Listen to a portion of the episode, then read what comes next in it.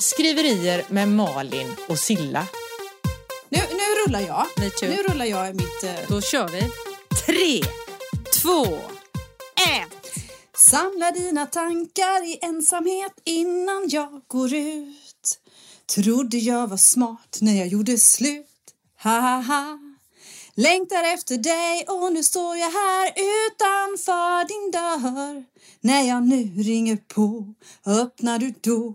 Eller vill du att jag ska gå? Så jag ber dig, kom ut till mig. Eloise, är vi mer än bara vänner? Så visa vad du känner. Och sen får känslorna bestämma. Eloise, även vindarna kan vända. För mig är du den enda. Vår kärlek den är värd ett högre pris. Eloise Du har fått applåder av världen. Systrarna Boktokiga sitter här och applåderar. Och Jag ber om ursäkt. Jag ber om ursäkt direkt för allt. nej, man ska inte be om ursäkt. Det Nej, har vi väl kommit överens om. Ja. Utan så här, ni som inte har hört våran podd förut. Det kanske kräver sin förklaring. Jag vet inte, men i alla fall så kan ni få en förklaring. Det här var Cecilia Andersson, det behöver ingen större förklaring, författare från Småland.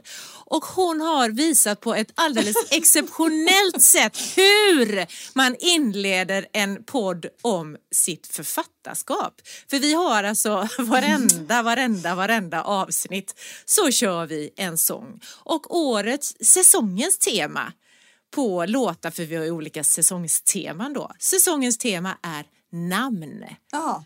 Och här fick vi Eloise och jag Ja. bara sådär, va? Ja, varför? Ja men det är typiskt när du, när du kom med förslaget att vi skulle ha namntema på, på den här säsongen av våran podd. Och så, då är det ju sådana här namn som ploppar upp direkt och Eloise är ju en av dem. Och vi är ju med Melodifestivaltiden. Jag tyckte att den, liksom, den här passade jättebra. Och så framförallt så man blir väldigt glad av Eloise eller av Arvingarna eller så. Och sen fnissade jag faktiskt lite extra i lördags när det var deltävling två.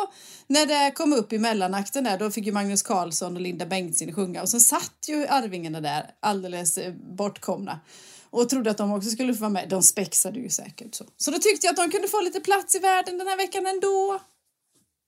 Snyggt. Tack, Tack. för rapporten. Jag tittar inte på Melodifestivalen. Nej, Jag är I- helt bortkollrad ja det behöver i du detta. inte. I, jag är, jag är, mello, jag är mellofan.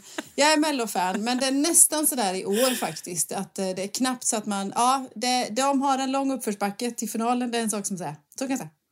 Är det så? Mm. Ja. Men du, Men hörru du, Silla från Småland. Mm. Ska vi dra igång det här 47 avsnittet av podden Skriverier med Malin och Silla? ja, det gör vi. Och du, då kan du börja berätta med, hur har du haft det sen sist? Ja. ja, vad har hänt sen sist? Alltså, ja, ja men gud, hade jag skickat iväg eh, manus till lektör då? Du var på väg, för, nej men det var nog sist sist, för sist så var vi i Norr, Norrköping. Ja, just det! Nej, men efter det har jag ju då skickat iväg ett manus till lektör för en andra läsning av henne. Mm. Så jag känner att ja, men, nu är nog det där, hoppas jag, vi får ju höra vad hon säger när jag får tillbaka det. Jag hoppas att det liksom manuset är sådär på gång nu att bli färdigt att skicka ut till förlag och så hoppas jag ju då förstås att det finns ett förlag som säger ja, den här berättelsen Jag håller den alla ska tummar ut jag har. till världen. Thank you. Thank you so much. Så det har jag gjort. Ett annat manus har jag skickat till redaktör och det är bara jätteofärdigt men det var på allmän begäran så det känns också så här bara uh, skitläskigt. Och sen sitter jag nu och skriver på, jag håller ju på med tre manus då, det är lite crazy. Men jag sitter med det här tredje och precis innan du och jag pratade så eh, satt de här i en båt i min berättelse då och eklaterade en förlovning minsann. Åh, så. Så det var ganska spännande grejer. Det var känslosvall på hög nivå kan man säga. Ja, för man känner ju Aha. samma sak som man skriver om. Eller jag gör det. Eller hur? Ja. Ja, ja, man lever ju sig in som tusan i detta, i deras liv. Man lever ju med, eller man, jag, Ja. lever ju med de här karaktärerna. De är ju med mig ute när jag är ute och springer eller går eller när jag går och lägger mig på kvällen är de med mig i sängen. Och Det är trångt. ja, det är jävligt trångt. Eh, Så de är med hela tiden. Så skrivarbetet är ju inte bara när jag sitter vid datorn tänker jag, utan det är ju, fan, det pågår ju hela tiden. Det är ju en process. Ja, du är så duktig, du är så ambitiös. Alltså jag gillar det. Jag gillar det liksom, eh, din ambition, liksom din nivå på något vänster. Det här med att man att ha tre manus igång samtidigt på, i, olika, i olika nivåer. Jag tror vi varit inne på det innan att det kanske funkar med, nivå, med flera manus på samma gång när man är på olika ställen i processen. Kanske inte liksom lita på samma så. Och det, det verkar det ju göra om man ser på dig nu då. Jag tycker det är starkt. Det är jättetufft. Eh, ja, än så länge. Eh, vi får väl se. Jag är ju inte den som förespråkar många bollar i luften annars men eh, här känns det som att jag kan hålla ett redigerings, ett hittepå status och ett, ja men att det, de är som du säger, de är i olika faser. Men Så jag går det tänk, bra. det kanske är såna här mjuka, fluffiga bollar liksom som när man tar emot dem så känns det... det är inte någon som slår en drake i pannan eller något. Bomullsbollar Ja, är det. eller någonting sånt. Kanske. Eller så. Så det är nog det när det gäller skrivande och mig. Eh, ja. Och du då? Ja, men jag har också, jag har hittat tillbaka. Jag har haft en liten Ja. svacka. Liksom. Jag började 23 jättebra med manus nummer tre. Eh, och vad heter det sådär, eh, första veckan där efter jullov och alltihop. Jag tyckte jag hade bra flyt och så, sen har det krånglat lite både liksom på personligt plan, min, min pappa var ju dålig och sådär. Och, och sen så, ja men jag har inte fått till det riktigt, jag får inte till flytet i schemat så. Men nu, nu känner jag. Jag brukar säga så varenda helg eller varenda liksom slutet på varje vecka. På måndag, på måndag då kommer det tillbaka flytet så då. Men det har inte riktigt Ja. hänt. Jo, men nu, den här veckan. Jag känner liksom hur jag kommer ha flyt hela veckan. Det känner jag redan innan. Ja. Så, så att jag är tillbaks. Jag är tillbaks och jag är tillbaks. Jag är tillbaks i skrivar flow, flow, flow ska jag inte säga. Men jag, jag skriver verkligen på mitt tredje manus. Och Ja. jag, jag, jag följer min almanacka. Jag eh, bläddrar och läser rättsfall och sånt till mitt li- kanske lite lilla sidoprojekt där och lite researchaktigt eller på den nivån jag är där. Så att nej, jag är på gång. Jag känner att jag är på gång. Så att jag är nöjd. Jag är nöjd. Skitspännande. Mm, det är det. Jag ska eh, på semester nästa vecka. Jag ska faktiskt åka skidor. Vi åker i helgen. Eh, och jag tänker ha med mig datorn. Eh, innan så hade jag med mig datorn för att jag behövde jobba. Mm, Alltså hålla koll på jobbgrejer. Nu ser jag fram emot att ha med mig datorn, du vet när man kommer in till liksom afterskin för min sätt består av att jag går och slänger mig på sängen i, vad heter det, i rummet.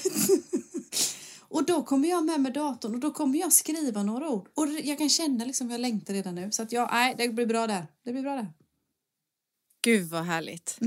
Tycker det också. Både skidor och skriva. Ja. Vilken jävla kombo. Ja. Jag tror det Jag kan vara testade ju det i julas. Det gick jättebra. Ja, du har ju Det erfarenhet av det. Ja, precis. Precis, jag är en erfaren skidskribent Mm. kan vi säga. Ja. Men du, eh, det var det om det. Sen har vi ju våra fasta punkter här då. Ska vi, ska vi vara sådär ordningsamma att nu kör vi enligt våra punkter? Och första punkten, visst är det fan det glömde jag. Ja. Fan, det glömde jag. Ja. Har vi något vi har glömt? ja, på sätt och vis har vi ju det. För det är ju egentligen hela det här avsnittet. För för två avsnitt sedan så hade vi ju frågeavsnitt. Och de vi glömde svara på där kommer vi svara på i det här avsnittet. Ja. Förra avsnittet då var vi i Norrköping och då var ju det bara, alltså har man inte lyssnat på förra, vårat förra avsnitt så bara måste man för den är, ja det är bra. Det är så himla roligt. Det, man, vi fångar verkligen liksom all, allt som hände där i Norrköping. Men jag kommer inte ihåg om jag hade glömt något då. Nej, det har jag inte.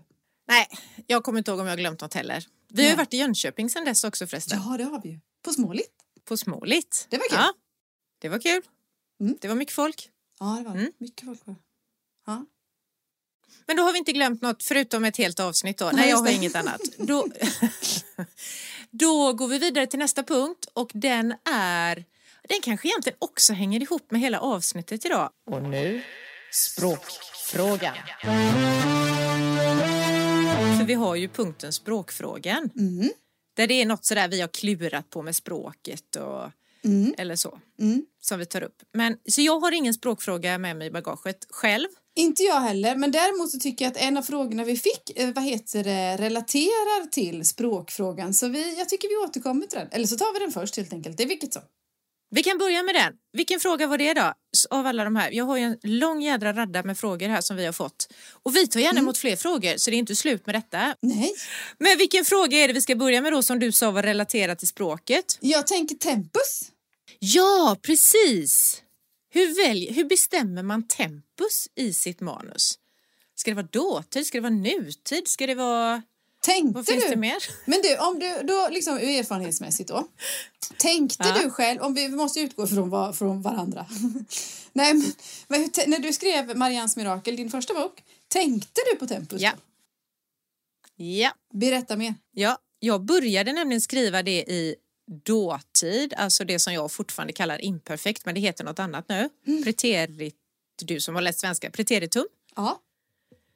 Ja. ja, i alla fall. Jag tror det. Jag är inte hundra. tid. Det är därför jag ser osäker ut. Men jag Past tror jag. tense. Ja. Imperfekt som vi gamlingar kallar det i alla fall. Och eh, det hade jag börjat med och jag tror också att det är det som är det vanligaste. I alla fall har varit det vanligaste. Ja. Tempuset. Ja. Under en lång, lång, lång tid. Jag började skriva i det men det var någon gång där jag kände att "Åh, jag behöver liksom komma nära mina karaktärer. Jag behöver in i deras liv. Det var innan de följde med mig ut på alla promenader och det som vi pratade om här i inledningen. Ja. Då började jag, hur jag kom på det här det vet jag inte, utan det, det kanske bara blev så att ja, men om jag skriver i nutid, vad händer då? Så då testade jag det. Och då blev det så, för jag, då blev det mycket med det här att jag var där. Jag var med. Caroline går, eller hon sprang ju oftast så att Caroline springer. Ja. Och då var jag liksom med henne i löparspåren och sådär. Och då, så då blev det, så det var en, eh, ett medvetet val just där Ja. med den. Sen om det är bättre eller sämre, det vet jag inte. Men för mig att skriva så kändes det mycket bättre. Men tror du inte det är som huvudsaken, att det är känslan? För det är ju ändå, när man sitter och skriver, att det är liksom man har den allra bästa känslan man kan ha. Och är det så att man har en, en vad heter det, en bättre känsla för ett visst tempus när man skriver så, så är det ju den som, som är rätt. Så måste det vara. Ja men precis, så det tror jag också. Ja. För jag märker ju nu att eh, jag skrev ett av, ett av alla de här manusen jag håller på med då. Då tänkte jag, nej jag ska inte hålla på med nutid, det ska vara dåtid för att det är så man gör. Ja, ja. Jag bara fick för mig detta då. Eh, för det är också det jag har läst, att ja, men det är så man har gjort under lång tid. Men nu börjar tydligen det här presens alltså komma tillbaka som en trend då. det är Ja, också lite roligt att det Ja. går trender i det, att man påverkas utan att veta om det, så som det är med trender.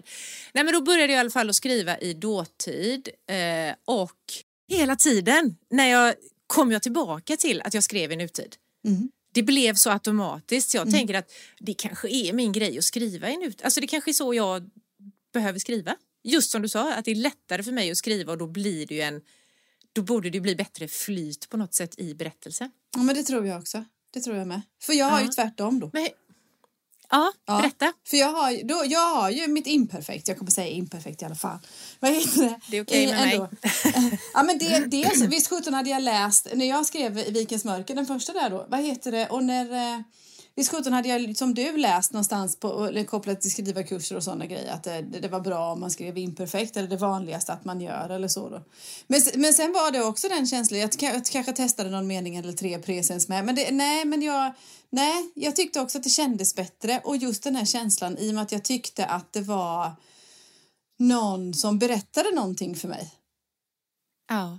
Att Ann, för jag har ju, brukar ju säga det att Anna, min huvudkaraktär, tar ju mig i handen och visar mig saker och ting i olika scener och berättar saker för mig. Och då blev det också sådär att då berättar hon någonting om någonting som har hänt. Hon, har, hon berättar ju ändå i efterhand. Hon är ju inte i berättelse, eller det är hon kanske, men nej men det, det, var, det var så. Hon berättade i imperfekt. Men du, fan, jag har inte tänkt på detta. Det, nu slår du huvudet på en av alla spikar vi har igång här. För att jag är, ju, jag är ju, nu när du sa det att hon tar dig, det har du sagt till mig förut, hon tar mig i Ja. handen och berättar. Alltså, Ja. så. Ja. Men jag har inte riktigt, den där poletten har inte ramlat ner på riktigt förrän nu.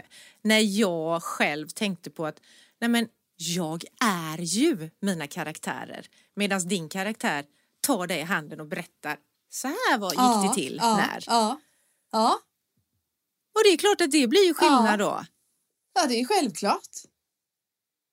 Vilken sån här epiphany vi fick nu kände jag. Det var Och jag älskar det ordet! Ja, Kan inte det finnas på svenska? Nej, jag har inte hittat någon uppenbarelse. Nej, men liksom någon Ja. sån här, ja, men det är ju faktiskt så. Poletten trillade ner. Exakt. Ja, det är lite coolt. Nej, men alltså, och på för- den, jo, tiden vi sa, på den tiden vi sa imperfekt, då var det 25-öringen max som ramlade ner. Just det. ja, Okej då. Det får väl bli en hel deja då. Ja, den här frågan hänger ihop med en, som, en till vi har fått. Men vi, Ja. vi ska prata färdigt om detta förut. Eh, Ja, förut. för frågan är ju liksom hur man väljer tempus och det menar, ett, ett, ett, eh, bra men tråkigt svar är ju liksom det är ju känslan. Vilken, vilken känsla, man får ju prova, att man provar sig fram då. Att skriva lite presens och lite så att man, vilken är det som, det tempuset som känns bäst i din kropp eller som känns bäst i dina fingrar eller som känns, känns bäst. Det är kanske är där du ska liksom jobba med då. Men det är klart att det är kanske bra att testa då. Fast varför säger du att det är ett tråkigt svar? Det är för att ofta så, när man ställer här frågor så vill man ha ett direkt svar. Sådär. Det ville jag ju ha i alla fall när Ja, men- jag skulle börja skriva. Det här är ju ett direkt svar. Ja, Gå på känsla. Ja, okej. Prova dig fram. Ja. men jag tycker att det är jättevärdefullt och att det är okej. Att Ja. alla sätt är bra. För tänker du när du läser böcker, för vi måste ju ha läst böcker som är skrivna i både dåtid och nutid och vad det nu än kan vara för tid.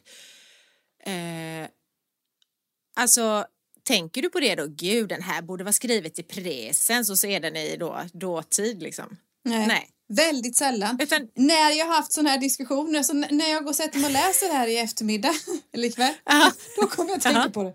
När jag varit inne i de diskussionerna så, eller när vi har suttit i redigeringsfasen eh, fasen och liksom börjat prata, ah, men här har du slunkit in med ett, eh, ett presens, här ska det vara ett, vad heter det, något annat eller något sånt där. Då kan jag också Ja. tänka, men bara när det är uppe till diskussion, annars tänker jag aldrig på det. Nej, inte jag heller. Så Nej. att jag, tror, så jag, jag tror du har helt rätt när du säger att man får prova sig fram och det man själv känner för Mm. själv, det är det som passar en själv Mm. som författare och berättelsen bäst. Ja, så är det. Sen, sen, sen är det, att- och anledningen att säga så att ett tråkigt svar det är ju med att det, den här får heller inte bidra till att man inte kommer igång och skriva. Om man är sugen att skriva och så fastnar man i att fundera på vilket tempus det är. Så får det inte vara heller, så, så bara ta något då, bara du skriver. Precis, bara ta något. Det går ju att ändra. Ja, Det enda som inte går att ändra det är ju det som inte blir skrivet.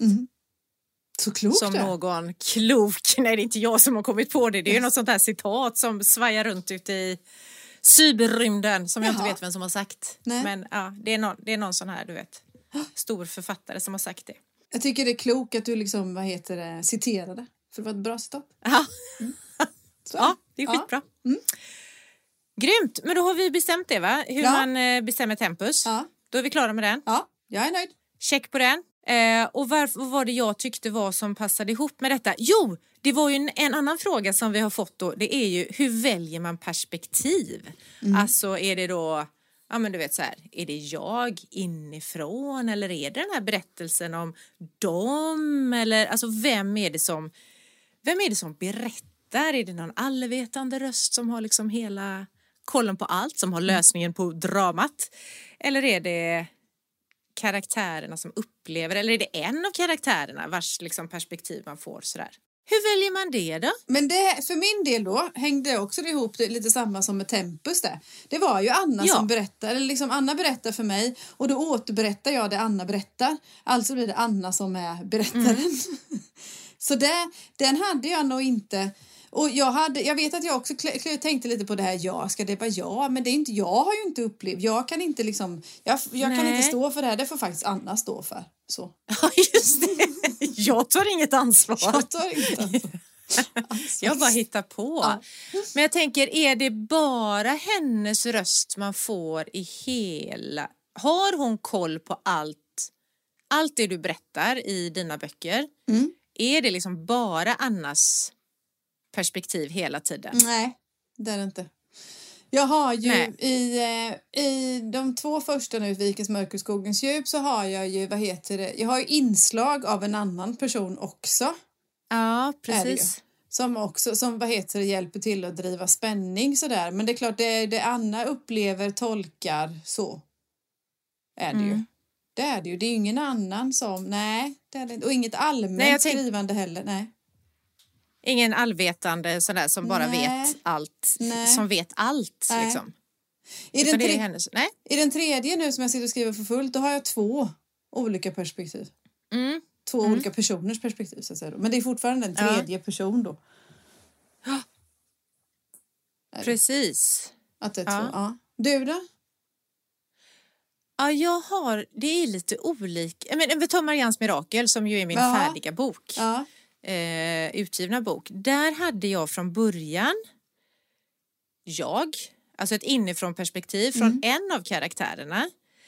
Eh, men då blev det så här, men shit det händer ju grejer som inte hon, alltså som hon reagerar på allt sånt här men som jag kände att jag måste få fram något annat perspektiv också. Det kan inte, det inte, hon vet ju inte allt som hennes syster gör. Nej. För nu är det ju två systrar då så här. Ja.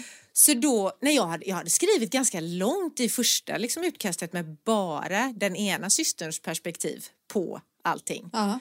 Och då kom jag på, nej det blir liksom för, det passade inte här då Nej. för mig. Nej.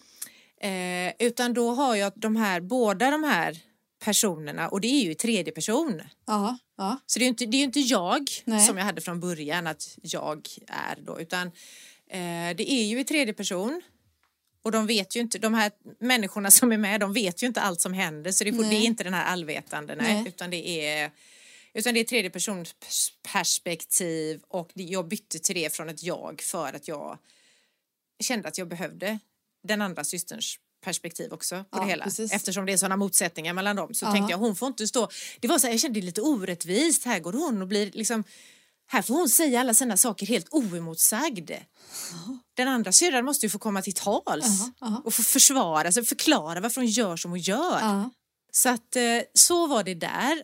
Men sen finns det ju då det här allvetande. Det har jag jag tycker det är skitspännande att läsa böcker som har det perspektivet. Alltså att det, det är en, en berättarröst som Alltså, jag vet inte, som man inte vet vem det är utan det är bara någon som berättar den här berättelsen. Det är inte Anna som tar den i handen utan det är någon. Ja. Jag tittar jag uppåt för tänker Ja, jag förstår vad du menar. Ja, men det är klart, det, någon som, det måste ju vara någon som kommer uppifrån för att få ett perspektiv. För annars, man ser ju Ja. mer uppifrån. Så är det. Ja, och jag tycker det är jävla spännande. Och jag tycker också att det kan vara ganska kul med såna som kan, som kan liksom så här, de kan berätta att det Malin inte visste när hon gick in i huset var att, eller något sånt där. Och så vet läsaren mer än vad huvudkaraktären vet. Lite som när man ser på film liksom. Att man, fan gå inte in där, du fattar väl att du inte kan gå in där för där är ju mördaren eller vad det nu kan vara då. Eh, så jag, jag håller på att testa lite med det perspektivet i en av de här jag skriver nu. Men det, jag, jag tycker det är skitsvårt för jag är ju som sagt jag blir ju mina karaktärer. Jag lever ju mig in i dem. Men jag testar för jag tänker jag vill lära mig. Ja, det ska bli spännande att läsa. För jag tycker också att det är svårt. Jag tycker det är jättesvårt med det. Med, vad heter det, det just det här. All, det, är all, det som allvetande. Det heter allvetande perspektivet. Ja, det är det. Ja. Men Det är som en gud kanske- på något sätt. Ja, säga. författarguden. Ja. Nej men alltså visst Ja. att man kan, man, vad heter så, någon scen eller så skulle jag kunna, men det skulle vara så svårt att få det genomgång, alltså gående i massor med kapitel och massor med sidor och få den här känslan att hålla i då. Att det är, Men jag, ja, jag, tror inte, jag tror att man kan hoppa ut och in ur det. Att det kan vara du kan vara, ha det här berättarperspektivet, Ja. allsmäktiga eller allvetande eller vad det vi sa att det hette. Allvetande heter det allvetande. Ja. Ja. Men att man sen kan hoppa ur det och få någon annans perspektiv också. Okej. Så man behöver inte ha det genomgående i hela boken utan man kan liksom, ja man kan göra vad man vill faktiskt för det är ju vi som bestämmer. Ja, det kan man faktiskt göra. Man kan faktiskt. Men jag tänker på frågan då, nu har vi pratat om hur vi har gjort och jag tänker på frågan hur väljer man berättarröst egentligen då med, med perspektiv. Och jag tror, tror inte att det också är sådär Mm. det som känns bäst för mig och det viktiga är att börja och testa Mm. och sen går det att ändra under gång. Jo, men jag tror det också. Att det måste vara lite känslan. Att förhoppningsvis så känner man det när man väl sätter sig och börjar skriva. Att det är det, vem är det som berättar historien? Är det jag som berättar det för någon annan, annan som berättar den för mig eller är det någon som har koll på precis allt eller vem är det som är som berättar? Ja, Mm. jag tror det. Och jag, jag tror också, jag tror att det här tredje persons perspektivet, att det är det vanligaste. Det tror Att det är också. hon eller han eller de, alltså sådär, som, Ja. som gör någonting. Ja. Eh, För även när man och- byter, och det- och- byter person så är det fortfarande den tredje personen. Det är ja, Ja, polisen, precis. rättsläkaren, eh, vad det nu än är med. Så då. Ja. Mm. Och jag vet inte, jag bara gissar nu när jag tänker när vi pratar att det är lättare att bygga. Det var nog därför jag valde att använda båda de här. Det är lättare att, eller för mig var det så här, lättare att bygga en intrig när man får tsch, tsch, alltså Flera olika. personer. Mm. Ja, men jag vet, det, kan, det, det är bara jag som hittar på det nu alltså. Det är bara var en känsla jag fick. Och jag tyckte det var lättare med en då. Ja, men jag fattar det. Eh, för det är klart att det blir, det blir lurigt också. Byta, man ju, måste ju vara tydlig när Ja. man byter karaktär Ja. om man har gjort som jag har gjort. För dig är det ju lätt, eller jag menar inte att det är lättare att skriva din Nej, men jag bok, förstår. utan Ja, jag men menar jag, att det är förstår. jag lättare. behöver inte hålla reda på det på samma sätt. För Det är ju någonting som kan vara nackdel när man läser. Har man för många perspektiv, eller inte, men för många karaktärer, då blir det så, oh, gud, vem var det här och vem var han? Och när det liksom hoppar för Ja. mycket. Det, det är ju enklare som läsare att hålla reda på någon eller kanske på, på tre stycken. Och det nästan Ja. det står liksom kapitlet heter Pelle och, och Lotta och allt Ja. vad de heter eller någonting sånt då. Ja. Än att när man får, "Och just vem är det här och vad är det här? Och sen, men sen eh, hänger man i med boken så brukar det man ju fatta med tiden. Men till en början kan det vara pyssligt. Ännu viktigare tror jag det är faktiskt den här tydligheten när det gäller ljudböcker. Mm. Det Ja, måste man ju vara tydligare med allt på något sätt för där är Ja. vi inte lika Nej. uppmärksamma vi som lyssnar liksom, utan där man fattar inte, det är inte lika tydligt för oss vem det är Nej. som säger vad eller vem, vems perspektiv det är och sådär. Så att hur man väljer perspektiv då, ja, gå på Känns... känsla eller? Ja, ja, men det är Våga så. testa. Ja. För, för jag funderar på, kan det vara så att det finns ett perspektiv som passar en viss sorts berättelse bättre? Ja, Jag tänker bara, jag vet inte. jag Ja. var lite inne på det också. Att man kan ju liksom gå in och titta på sina favoritböcker eller sina böcker och se vad har de för perspektiv. Mm. Vad innebär det? Att när, när du börjar klura, när du ska sätta dig ner och börja klura på perspektiv. Då kanske man i sin research på något vis också ska gå in i vissa böcker och titta. Kan, det kan hjälpa till på traven. Du och jag haft, hade tur, eller vad man ska säga, att vi hittade det här ganska smidigt för att vi, ja, vi vågar lita på våran känsla och vågar chansa och sådär. Det är inte säkert att alla gör. Då kanske man kan, man kan ta som, vad heter vad, hur andra har gjort. Och så testa då så, och titta hur, hur, hur skriver de? Kan jag göra på ett liknande sätt? Och känns, känns det bra? Ja men kör på det då. Så. Mm. Men för att förstärka känslan kanske man kan kolla hur andra har gjort. Då. Ja, precis. Ja. Och så testa och laborera lite. Alltså, fan, det, går, det går att ändra sig. Ja men det, oh, det går alltid att ändra sig. Det är vi som bestämmer. Är man författare så får man bestämma allt över sin text. Ja, Så. Jättefiffigt är det. Man får ändra sig hur mycket man vill. Det är lite jobb men man får ändra sig. Exakt. Känner vi oss nöjda med det svaret? Hoppas att hon som ställde frågan är nöjd också. Ja, jag med.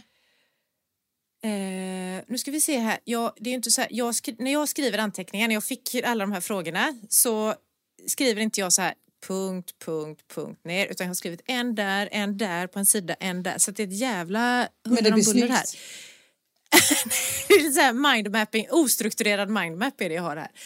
Eh, jo, ja, var hittar, när jag har skrivit var hittar man sitt flö, sitt flow? Alltså hur kanske? Eller Ja, var? Nej, ja. var. Det kan ju vara en var också. Ja. Eh, men jag tänker att vi börjar med, vi, vi svarar på frågan hur hittar man sitt flow tror jag. Eller? Mm. Ska vi vara så fräcka Ja, så vi bara vi. väljer det? ja. Vi kan definiera flow till att börja med kanske. Ja.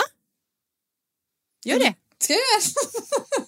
Nej men flow, flow för mig kopplat till skrivande eller kopplat till något annat är ju liksom att det, det flyter verkligen på. Jag sätter mig och skriver och sen liksom händer, det händer ganska smidigt. Orden och berättelsen kommer till mig ganska smidigt. Det är klart jag måste kolla mig i mina anteckningar eller mitt så kallat synopsis eller research eller vad något sånt där. Jag får dubbelkolla eller ja, sådär då.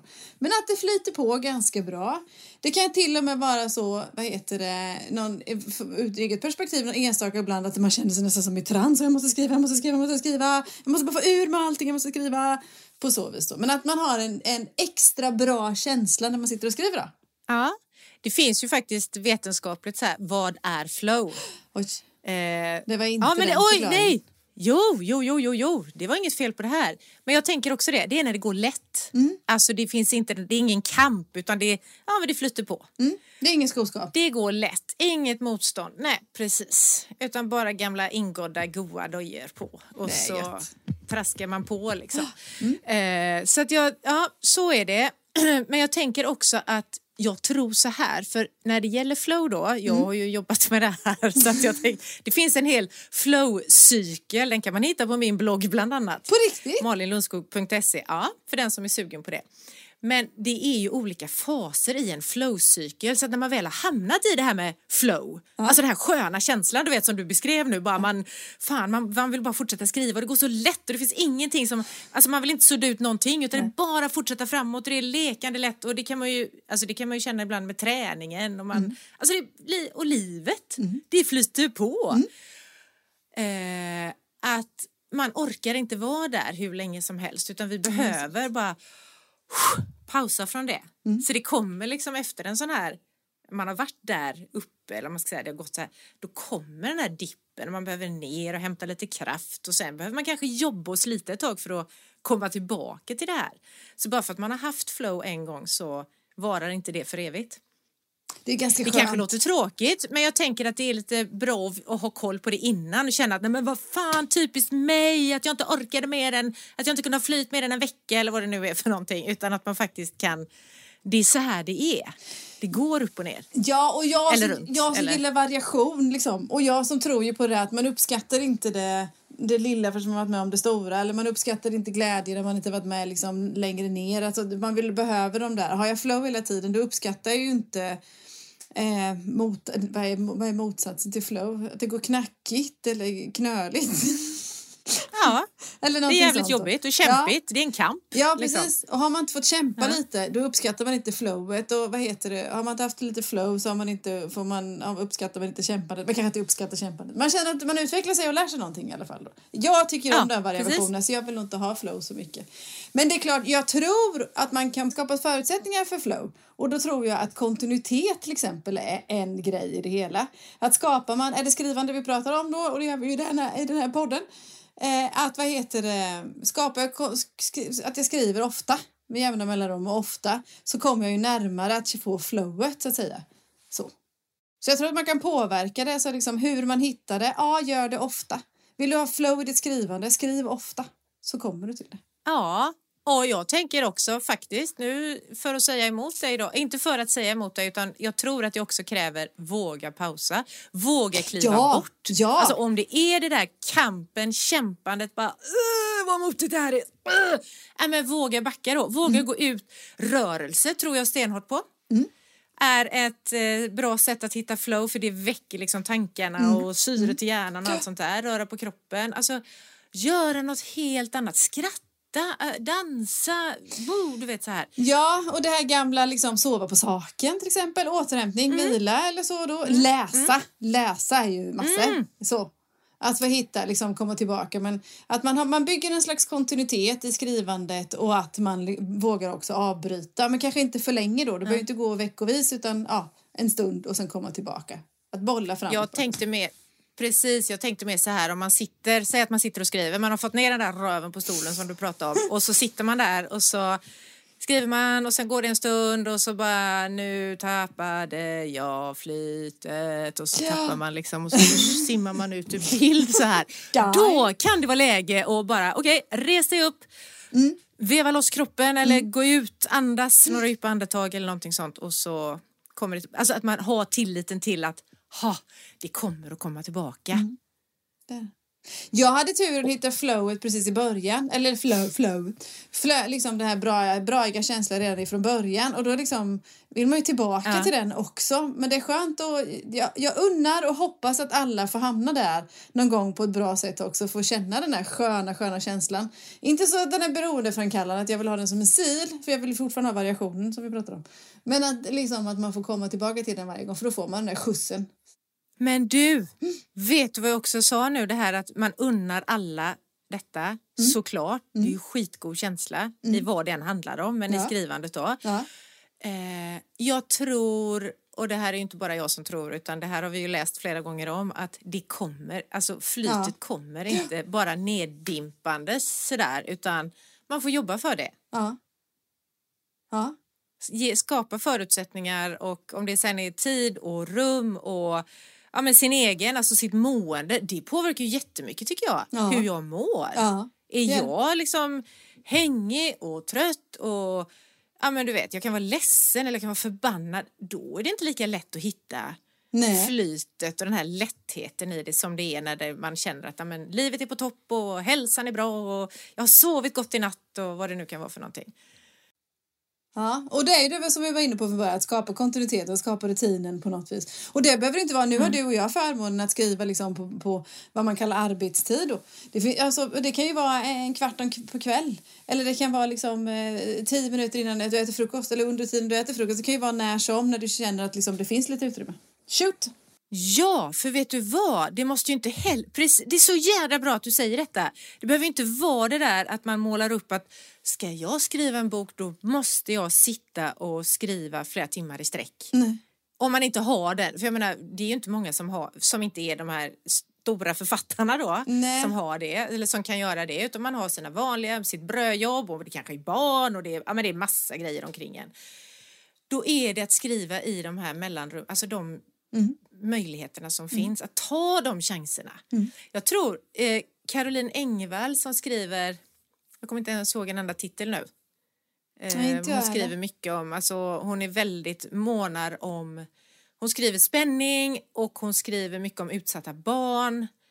Eh, ja, skitsamma, jag kommer inte på en enda titel nu, men Caroline Engvall i alla fall. Hon, hon har skrivit massa, massa, massa böcker. Och hon har ju skrivit, alltså hon har berättat att hon har skrivit flera av sina böcker bara i de här mellanrummen. Ja, ja. Men det är När många som barnen gör. har tränat, när det varit, hon har varit på resa, när det är liksom sådär så bara, ja, då har Mm. det blivit böcker av. Ja, nej, det, Det är det är många. Ja, och då, de har ju också, liksom, de säger då eftersom jag är bortskämd och får skriva på dagtid. Men vad heter det, att, att det är, att vad heter det, de har ju också skapat sitt flow eller hittat sitt ko- kontinuitet på något vis också. Eller liksom skapat Ja. förutsättningar för sitt flow. Att det ska komma ibland Ja. och skapa kontinuitet att skriva. Det tycker jag är coolt. Jag, jag beundrar dem. Jag beundrar dem som liksom klämmer in det. Att, sådär, att, att lågan brinner så hårt och starkt att man liksom klämmer in det här i något annat. Mm. Och jag känner mig återigen tacksam då förstås att jag är bortskämd att jag kan göra det. Mitt på, Mm. mitt på ljusan dagen. Du har skapat de förutsättningarna själv kan man säga. Ja, jag har Faktiskt. fått hjälp på traven också men ja, ja men gud. Jo, jo, men ändå. Du hade kunnat eh, inte se dem. Absolut, ja det är sant. Sant, Mm. sant, sant, sant. Så du är egentligen mycket bättre än vad du tror, precis som de flesta andra. Jag är, jag är, Du- vad fasen är det han säger? Jag är, jag är starkare än somliga tror. Det är väl han eh, Mowgli va? Ja, det vet jag inte, men det kan det vara. Ja, mm. mm, det är jag det. Mm. Vi släpper den. Hur man hittar sitt Yes. flöde, det har vi pratat om nu. Sen har vi en fråga som jag inte vet om vi svarade på förra gången. Hur håller man tråden? Har vi tagit den? Nej, det har vi inte. Det undrar jag med.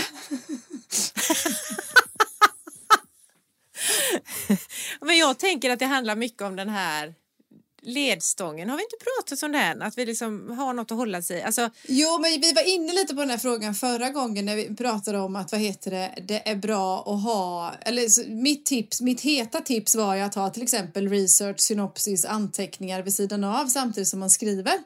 Att kunna liksom Ja. så. Och den hjälper ju mig att hålla den röda tråden. Vad är det, vad sjutton är det jag ska berätta nu igen då? Att alltså, liksom, den hjälper till att ha, att ha grunden vid sidan. Den, den hjälper mig så. Jag håller med dig och också att jag vet ju inte slutet från början. Jag kan ha en tro att det här, så här kommer det sluta. Mm. Eller det här ska det mynna ut i. Det här är temat. Typ, jag behöver inte ens veta temat innan men det här är liksom det som jag nog vill ha sagt och då behöver det sluta så här. Ja. Men det kan ju ändra sig flera gånger om. Och jag tror också eftersom, det här, eftersom vi fick frågan från en kvinna som vill börja skriva Mm. så tror jag också att det här är så här Visst, gör en plan, alltså en ruff sådär. Mm. Det här vill jag skriva om och det här, de här ska finnas med och det här vill jag ska hända, typ. Mm.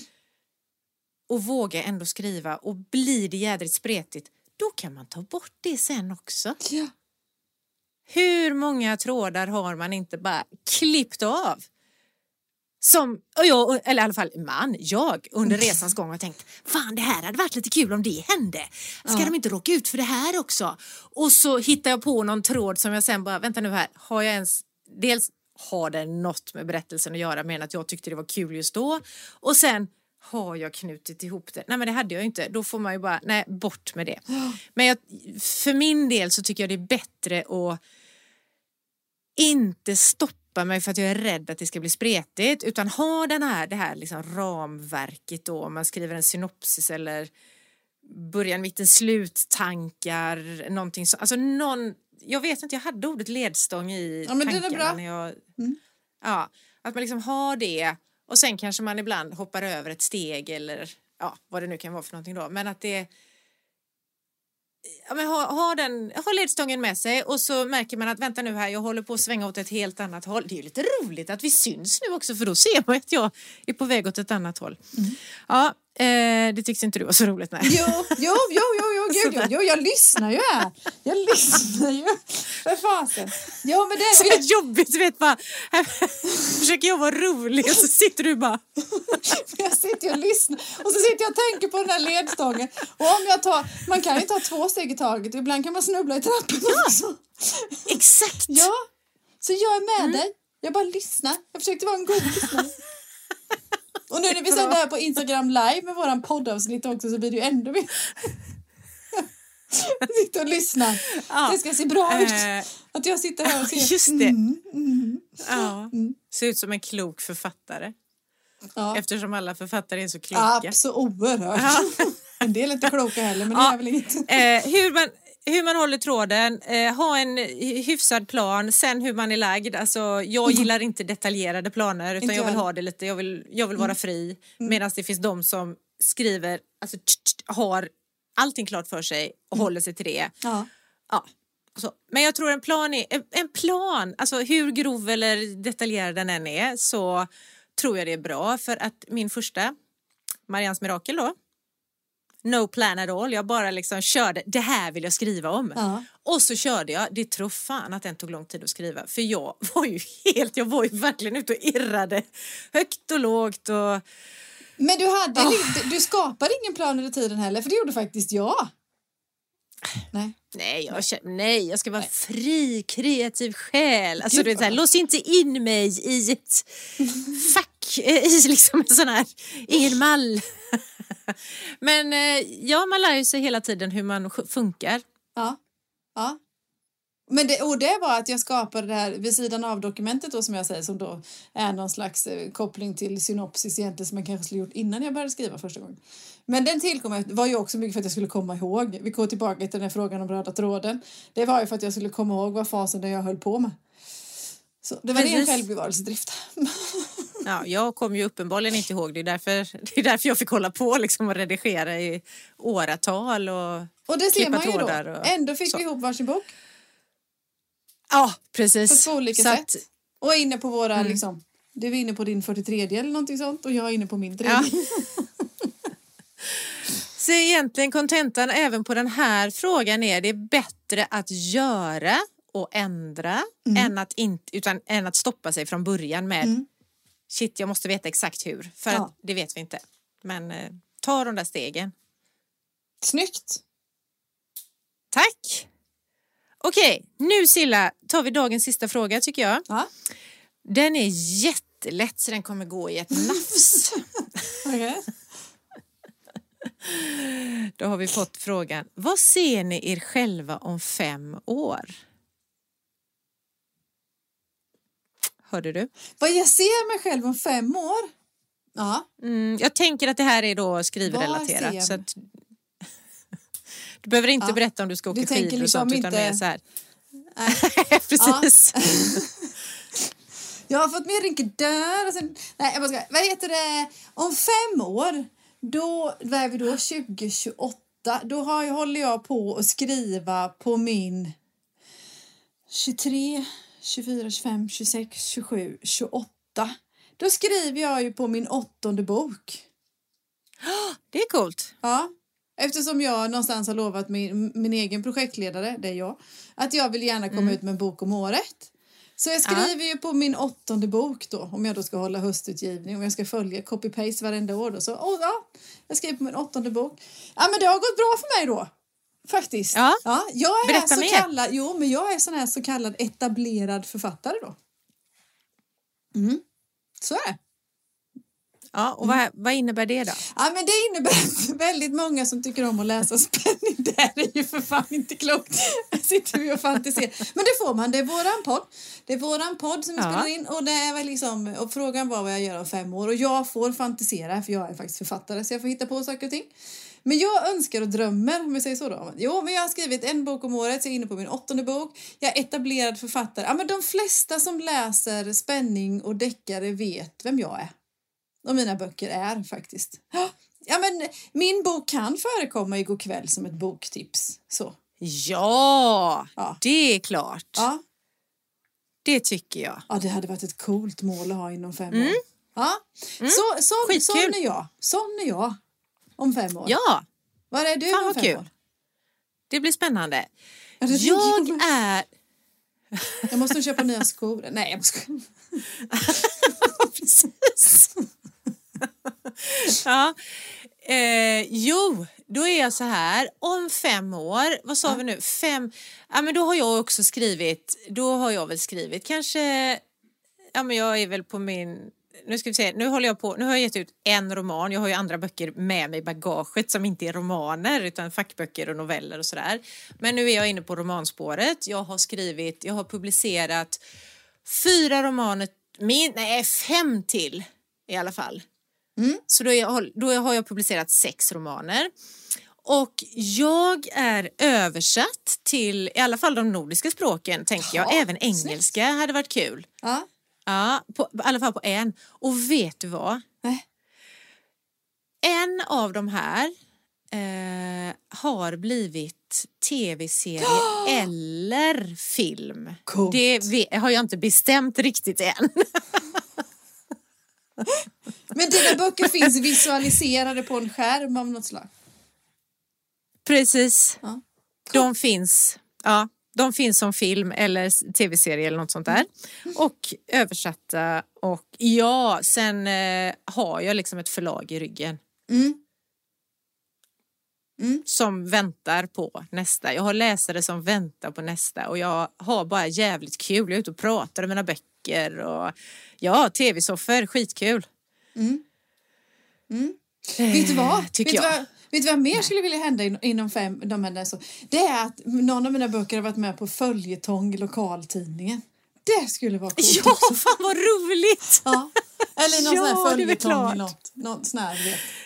Det hade varit coolt. också. Jo, ja, skitkul. Den vill jag sno tror jag, den idén av dig. Det får du. Det får du. Tack.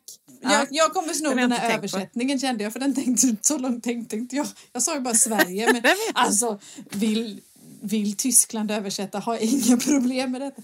Jo men det är klart och så, så, summa kan vi väl säga att vi har, vi har ju kommit långt i våra författarskap om fem år. Man kan säga så här, vi har inte slutat skriva. Nej gud. Det, utan vi fortsätter och det, det går bättre och bättre och det blir liksom så här, man Mm. kommer in i det mer och mer. Ja, Ja vi har hittat flytet. det säger jag ju när jag är ute och pratar med böcker och skrivande och sådana grejer så att jag är här i den här branschen för att stanna. Så tänker jag. Mm. Tänker så också. Gött, det var ju en härlig, rolig fråga att eh, få avsluta frågestunden med, Ja, tycker jag. ja. Ja. Härliga frågor. Tack så mycket ni som Vi bara säger check på alla frågorna och nu går vi vidare till vår nästa punkt. Och det är boktips. Ja. Nu är det dags för boktips. Eller? Ja. Våra nästa och Ja. bland sista punkterna som vi har i, våra, i våran podd, Skriverier med Malin och Silla, Ja. så är det boktips. Har du något? Ja, det har jag. Vill du veta? Ja. Jag har den här. Sådär. Blir det spegelvänt nu när jag visar här? Eller Ja. hur? Och har du Ja. läst den? Ja, jag har läst den. Ann Liljeroths senaste som heter Hela mitt hjärta. En roman, alltså hon blir ju bara bättre och bättre och det är det jag känner också är så här. det blir vi också. Ju mer vi håller på med detta så blir vi bättre. Eh, det här är en roman om Livia som har skrivits, hon har haft krux med hjärtat. Jag kommer inte ihåg om det var infarkt eller vad det var men hon, eh, hon har legat på sjukhus i alla fall. Och under tiden så har man ju förstått att hon är rätt ensam den här Livia. Det är inga barn, hon är vuxen av vuxna barn, alltså hon är, är hon 60 kanske? Så, något sånt.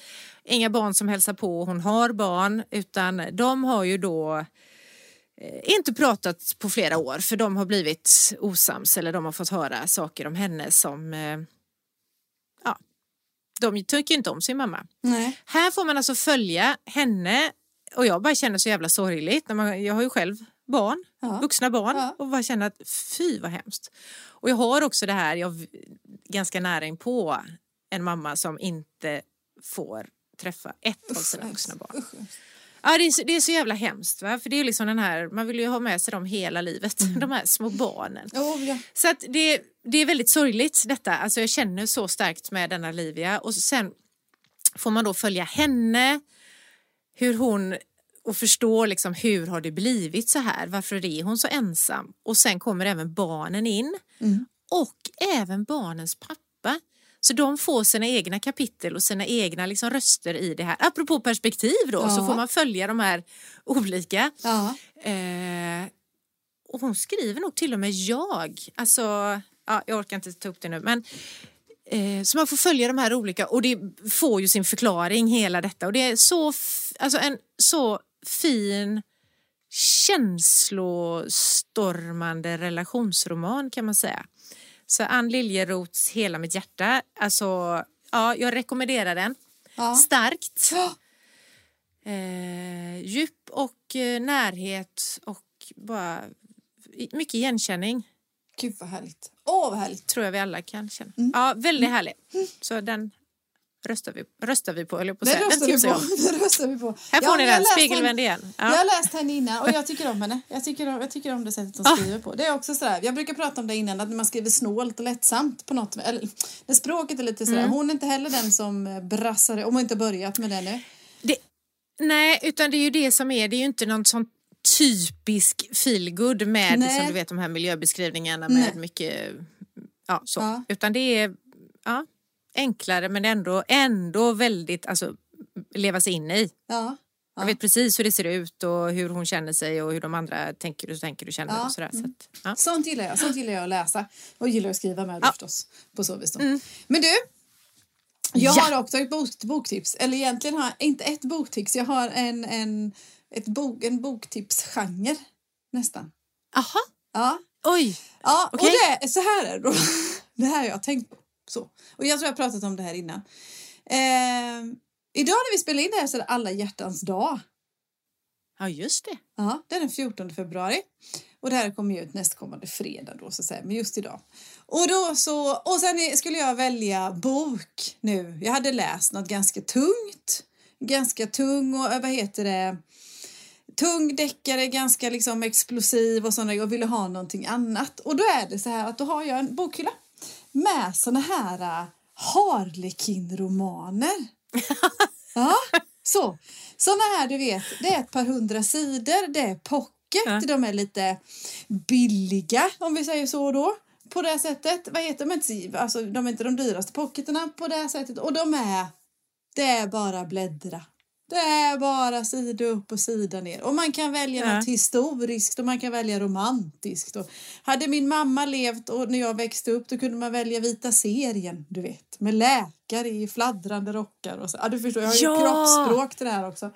Läkarserier, herregud, jag älskar det. ja. Vita serien fanns det i den här, jag tror det var de här Harlequin, det är väl Harper Collins som är förlaget, som det är väl en genre inom, eller ett spår inom Harper Collins förlagen sådär då, som tar fram de här lättsamma, sköna, mysiga liksom. Den största konflikten är liksom om han vill ha henne, alltså liksom Ja. Men du, jag visste inte ens att de här fanns fortfarande. Jo. Jag trodde det var liksom...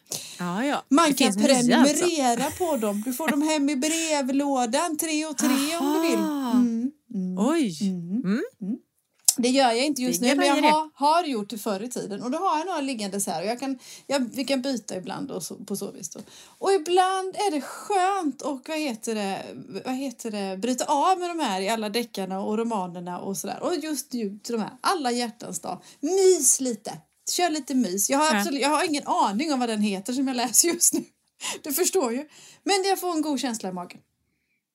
Va? Mm. Härligt. Och där är det inte massa miljöbeskrivningar och så. Inte sådär jättemycket, det är precis lagom. Nej, jag... Ja. Ja, Lagom det är där ändå hjärtan bäst. Och Det får vi säga. Ja, hjärtan och smärtan och "Åh, han tycker ju om henne men han talar ju inte om det. Och igen, man kan raljera över det. Ja, är det alltid sån kärlek? Alltså sån kärleksrelation? Det är Ja. alltid liksom par... Ja. Ja. Sån. Ja. Så, den sortens kärlek? Ja, det är det. det, är det. Vad jag har läst hittills i alla fall.